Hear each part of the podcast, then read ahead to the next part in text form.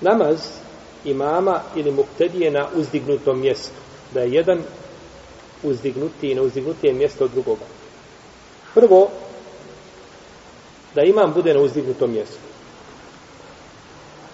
Kod džumhura u Leme mekruh je da imam klanja na uzdignutom mjestu. A to se kod nas dešava često, da imam ima ponekad pola metra. Jedva da zakoraciš na ovaj, mjesto gdje imam klanja. To je bilo u starijim džamijama, U ovim novim se ponekad nešto digne, negdje nema ništa, uglavnom poznato je, znači da imam staje, i to je isto tako poznato kod Turaka, da se staje, znači da imam staje iznad Buktedija.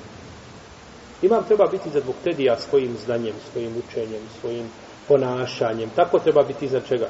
Buktedija, a ne da staje na visokom mjestu, iznad, da staje iza njih na visokom mjestu. Huzeyfa radijallahu ono je klanjao kao imam i stao je na jedno uzvišeno mjesto pa je došao Ebu Mesaud el Ansari pa ga je povukao pa kad je završio namaz kaže mu zar ne znaš kaže da su to zabranjivali da se tako čini pa kaže sjetio sam se kad sam me povukao tad sam se sjetio i došlo je u hadisu koga je vjerodostavljeno cijenio šeha Albani koga bilježi a, a, Ebu Davud da je poslanik sa osnovime zabranio da imam stoji na visokom mjestu. No, međutim, neki sučenjaci prigovarali tome hadis, koliko se sjećam, njegove žestorosti. Šeh Albani ga je prihvatio, ispomnije ga u svom djelu sahih uđame, ispomnije ga u svom djelu stako, efemerul eh, mustafab, i u drugim djelima gdje ga je ocenio negdje dobrim, a negdje vjerodostojnim. No, međutim, kaže imam šafija i drugi, neće smetati da imam, to je, to je jedna verzija imam Ahmeda, neće smetati da imam stane na, vis, na uzvišeno mjesto, na visoko mjesto, ako je, ako se radi o poučavanju ljudi, ako se radi o poučavanju ljudi, znači da ljude pouči a, ispravno namazu, jer je poslanik sa osaname klanio na Mimberu, pa je na Mimberu učinio ruku, pa je se sišao, pa je učinio, u podnožu Mimbere učinio seždu, pa se je ponovo vratio, i onda je rekao, kaže, to nisam činio, nego da vam pokažem, znači, moj namaz ili kako se klanja. Pa ako je zbog poučavanja da imam stane, neće smeti. No, međutim, da to bude klasično, da imam stoji na tome mjestu, to nije ispravno, jer imam, ipak treba poštovati svoj džemat. Dakle, ako postoji potreba radi poučavanja, dozvoljeno je čovjeku da stane na uzvišeno mjesto. Ili, na primjer, da popuni se gornji sprat cijeli i ljudi odu da kanjuju na donjem spratu. Jer tada imam i za njih. Je na uzvišenom mjestu. Jeste. Tada je dozvoljeno da to radi potrebe. Znači, to je očita potreba. Drugo, da bude muktedija iznad imama.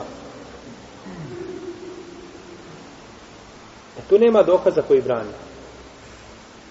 Ha? Nema dokaza koji brani da muktedija bude iza, iza, iza imama, našto ako ima potreba, kao da se recimo napuni ovaj sprat pa odu muškarci da klanjaju gdje?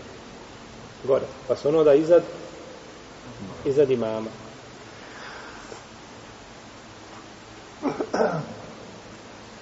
No, međutim, čovjek u tom slučaju mora znači biti da je povezan imamom nekako da čuje njegove tekbire ili da vidi pokrete ili da vidi u najmanju ruku ovaj pokrete ljudi ispred sebe, znači da zna šta se dešava prenosi se u predaji koji bliži mi Bišejbe i Abrazak sa dobrim lancem prenostaca da je Ebu Hureyre radijallahu anhu klanjao da je klanjao na jednom uzvišenom mjestu iza džamije jeli, a sledio je imama a sledio je imama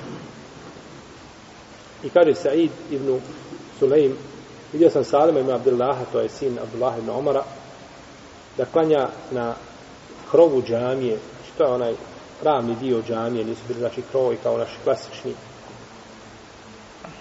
Klanjao je Akšam i sa njim još jedan čovjek i pristali su iza imama. To je vjerojatno da nisu imali mjesta u džamije, ne postoji drugi na, znači razlog da se poklju na to mjesto.